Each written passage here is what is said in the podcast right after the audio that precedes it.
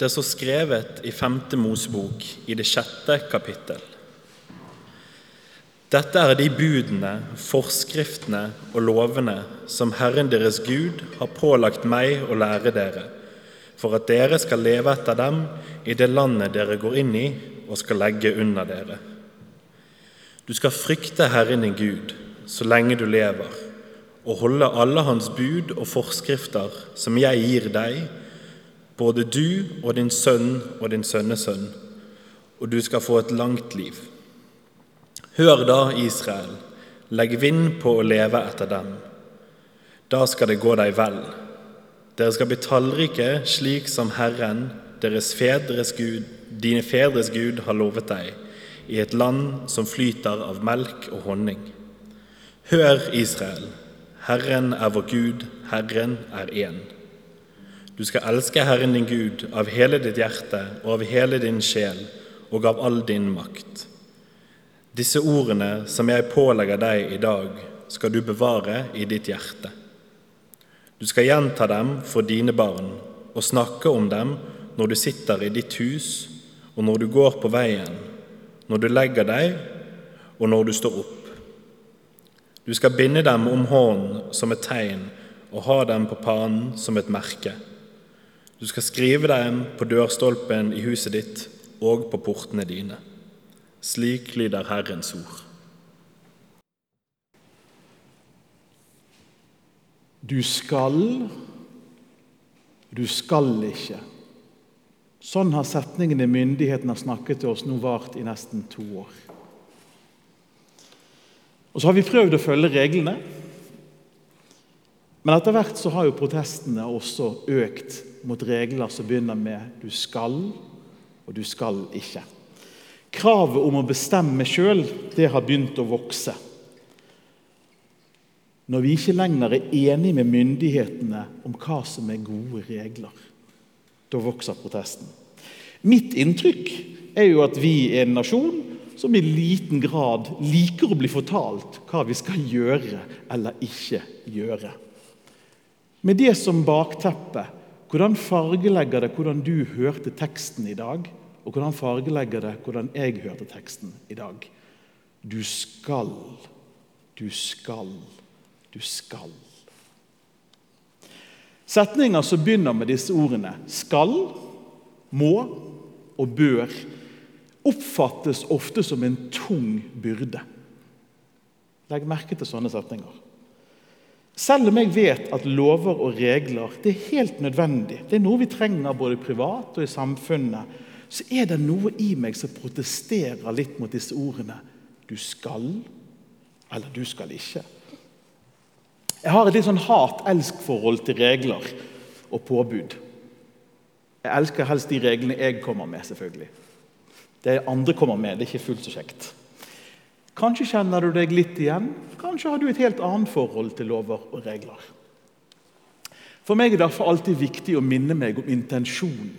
Hva er intensjonen med regelen som kom?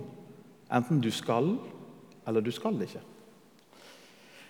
Hvis vi går helt tilbake til barndommen, hvorfor hadde foreldre, eller de du vokste opp med, krav og regler? Hva var intensjonen med det? Tenk bare på noe ganske fælt nå. Tenk om mor og far, eller de du vokste opp med, ikke hadde noen som helst forventninger til deg. Jeg kjenner at det gjør noe med meg. Jeg syns ikke det høres godt ut, for da ville jeg vist at jeg hadde ikke blitt regnet med. Jeg var på en måte egentlig helt utafor. Var ingen forventninger. Det er kanskje ikke så bra, det heller. Tenk om Gud ikke hadde noen forventninger til deg i det hele tatt. Eller til meg, for den del. Jeg er ikke sikker på om det hadde vært så bra, det heller. Kan forventninger og påbud og regler også være av det gode? Det er jo noe vi utfordres av i dagens tekst. Regler som er der for å tjene oss og de rundt oss, f.eks. søsken eller naboer. Eller foreldrene vi setter regler som vil oss og våre søsken og våre venner vel. Hva er det som Moses sier om de reglene som er presentert i dag? Nå prøver jeg å oppsummere, så det er ikke helt sånn som det står. Men første ting jeg syns å høre, det ha respekt for Gud. Og legg vind på å leve etter reglene og holde det til Gud hele livet. Da vil det gå deg vel. Det blir et godt liv fordi det er et velsignet liv. Og så var det dette da med De skulle få et land. De var på vei inn, jødene. Er et land som flyter av melk og honning. Det er overflodslandet. Det er Kanans land det er snakk om. I Gammeltestamentet så har de en litt spesiell forståelse av rikdom. Nemlig at rikdom det er et tegn på velsignelse. Et tydelig tegn. Er du rik, er du velsignet. Men vi som har levd litt lenger enn Gammeltestamentet, og kom til Nytestamentet, vet at Jesus problematiserer rikdom. Det er ikke nødvendigvis sett som at det å være rik er å være velsignet på samme måten. Det kan være problemer med denne rikdommen også. Men reglene har litt det samme. De skal være til velsignelse, og de skal lede til velsignelse. Det er det som er meningen med reglene. Gud bryr seg, og det er derfor Gud gir regler. En Gud som ikke hadde brydd seg, hadde kanskje ingen forventninger og ingen regler til oss. Kan regler også være noe bra? Hvis jeg følger den tanken, og jeg kjøper den tanken Det må ikke du gjøre hvis jeg prøver selv. Hvis jeg kjøper den tanken der, så motiverer det meg litt mer til å følge reglene. For hvorfor kom disse reglene? Jo, Gud vil meg vel, men Gud vil også deg vel. Og Mange ganger handler reglene om det. At det skal komme deg til nytte, det jeg holder på med. Gode regler kan skape balanse, og det er ofte viktig. For mye av det gode, det er ikke godt. Det er min påstand. Noen grenser er faktisk bra, for det grenseløse er grenseløst utrygt. Å bare tenke på meg sjøl er ikke lengden godt for meg. Og det er i hvert fall ikke godt for deg. Å huske på sin neste kanskje det er en bra regel. Du skal elske din neste. Det å bare skulle bestemme absolutt alt sjøl, det trenger ikke være bra. For hvem sier at jeg alltid vet hva som er bra for meg sjøl? Og enda mer at jeg vet hva som er bra for deg. Balanse. Vi trenger litt balanse. Det å bare tenke på andre uten å ta hensyn til seg sjøl, det er kanskje heller ikke bra.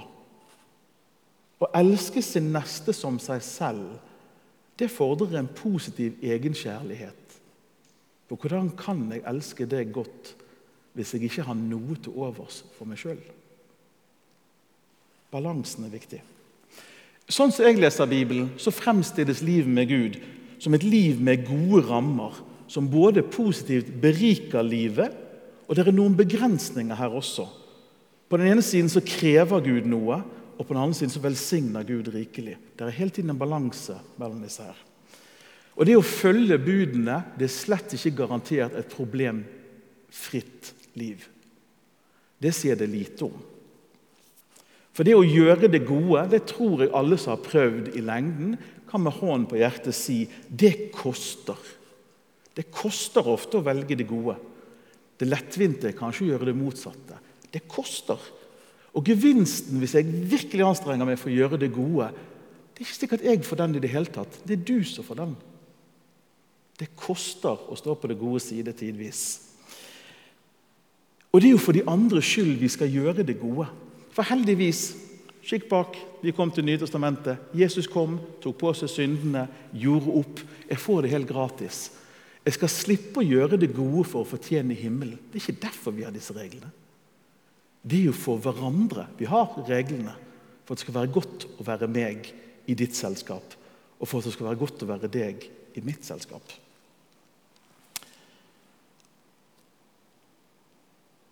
Å gjøre det gode bare fordi det er godt.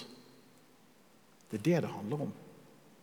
Og Det syns jeg egentlig er fint, selv om det koster, for det gir meg del i å bygge noe viktig. Det gode bare fordi det er godt. Det å ikke stå alene og det å bli elsket av Gud, som går ved min side, det er for meg hovedpoenget i troen. Men det betyr ikke at det alltid er problemfritt. Men Gud går nå ved min side. Eller kanskje det er jeg som får lov å gå med Guds side. Litt usikker på det av og til. Men så kommer jeg til det punktet som ut, jeg kjenner det gjør noe med meg hver gang jeg leser dette. Der jeg blir ordentlig utfordret, så jeg kan kjenne det helt inn på hjerteroten. Du skal elske. Ikke 'kunne du tenke deg hvis du er grei'. Du skal elske. Det er noe med sammenstillingen ordet 'skal' og 'elske' som får protesten frem i meg. For femte Mosebok sier du skal elske Gud med alt du er. All din kraft, all din forstand, hele deg. Og Så tenker vi kommer til Nytestamentet. Ja, Jesus gjør sikkert saken bedre. Nei da. Nei, nei, nei. Jesus gjør ikke saken enklere, for han legger til budet fra tredje Mosebok at du også skal elske din neste. Og så legger han til for sin egen del at du skal elske din neste sånn som du elsker deg selv. Å elske Gud og elske sin neste det finner vi i Matteus 22, 37-40 og kalles det doble kjærlighetsbud. Det er det liksom hele alle lovene og kravene handler om. Protesten min går ut på dette. Må ikke kjærligheten for å være sann være av fri vilje? Kan noen kreve at det skal elske? Er det da kjærlighet? Det er der protesten min står og spinner. Kan jeg kreve kjærlighet av deg? Kan du kreve det av meg? Kan egentlig Gud kreve kjærlighet av noen som helst? Og enda viktigere bare fordi Gud krever det, er jeg nødt til å følge det budet. Må jeg elske Gud? Eller kan jeg hvis jeg vil?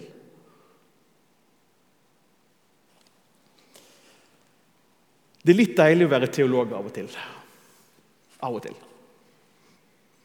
Fordi jeg har lest litt bøker, og noen som har tenkt mer enn meg, har snakket om dette før. For det som gjør at disse budene ikke blir helt som bare spyttet ut, det er fordi jeg også vet Gud skapte både deg og meg med fri vilje. Gud tvinger. Det passer ikke. For hvis Gud tvinger, så er det ikke sant for meg at Gud er kjærlighet. For tvang og kjærlighet hører ikke sammen. Så hvordan skal jeg da lese budet? Vel, Jesus han viste at Gud tvinger ingen. For flere som han kom i kontakt med, som fikk problemer med det han sa, lot han faktisk gå. Han tvang de ikke til å bli. De fikk velge sjøl. Han holdt de ikke fast mot deres vilje. Gud lot de faktisk gå. Når han sa 'følg meg', så måtte hver enkelt velge. Skal jeg følge det Jesus nå sier, eller skal jeg gå en annen vei? Det var noen som gikk sin egen vei også. Den rike mannen gjorde det. Men de andre de valgte å følge. Når Gud sier 'følg mine bud', så tenker jeg litt på samme måten. Jeg kan velge å følge dem. Jeg kan velge å gi min tilslutning, eller jeg kan ikke gjøre det. Når vi ber bønnen i Fader vår 'La din vilje skje', det er jeg som velger å be den bønnen. Gud kan faktisk ikke tvinge meg til det, og kommer aldri til å gjøre det heller. Jeg må sjøl velge å gå inn i kjærligheten aktivt. Både gi han og motta han. Men jeg kan faktisk la være. Jeg vet ikke om det er bra, men jeg kan la være. Det å elske Gud og min neste fullt ut, det er jeg fullstendig ute av stand til. Så hvorfor i all verden krever Gud det da like fullt? For jeg er helt ute av stand til å oppfylle akkurat dette. Hvis det er noe jeg er dårlig på, så er det dette. For det er jo summen av alt i loven. Og Det er der det viser at jeg kommer til kort. For meg blir svaret som jeg kan støtte meg til, det angir, selv om jeg svikter i å klare det fullt ut, så angir det en god retning for livet. Det er hele tiden noe å lene seg i retning av, strekke seg etter og så se. Men faren er, fordi jeg ikke vil klare det fullt ut, at jeg også kan bli demotivert. For jeg vet jo òg at jeg mislykkes oftere enn jeg lykkes i dette. Og det er da jeg må igjen påminne meg hva var det reglene var til for. For ellers så velger jeg de bort. Et bedre liv for alle. for Gud vil det gode. Der ligger motivasjonen. Jeg skal slippe å fortjene himmelen. Jesus har gjort det. Men et bedre liv for deg er grunnlaget for å velge dette. Og Det er her bibeldagen kommer så fint inn. Jeg er veldig glad i den dagen, bibeldagen, for den minner oss og oppfordrer oss til å lese Bibel ofte. Ja, helst daglig. Bibeldagen minner oss om denne underlige setningen som Jesus sa. Ta min byrde på deg, for den er lett, og mitt åk, det er godt. Det er helt umulige ordpar. Det er paradoks. God byrde, lett åk. Det stemmer ikke, men han sier det likevel. Det å lese Bibelen og bevare ordet i hjertet, det å gjenta ordene til andre, det å snakke om det hjemme og når vi er møte med andre, som dagens tekst snakker om. Det å la Gud være den jeg starter dagen med, og den jeg avrunder kvelden med.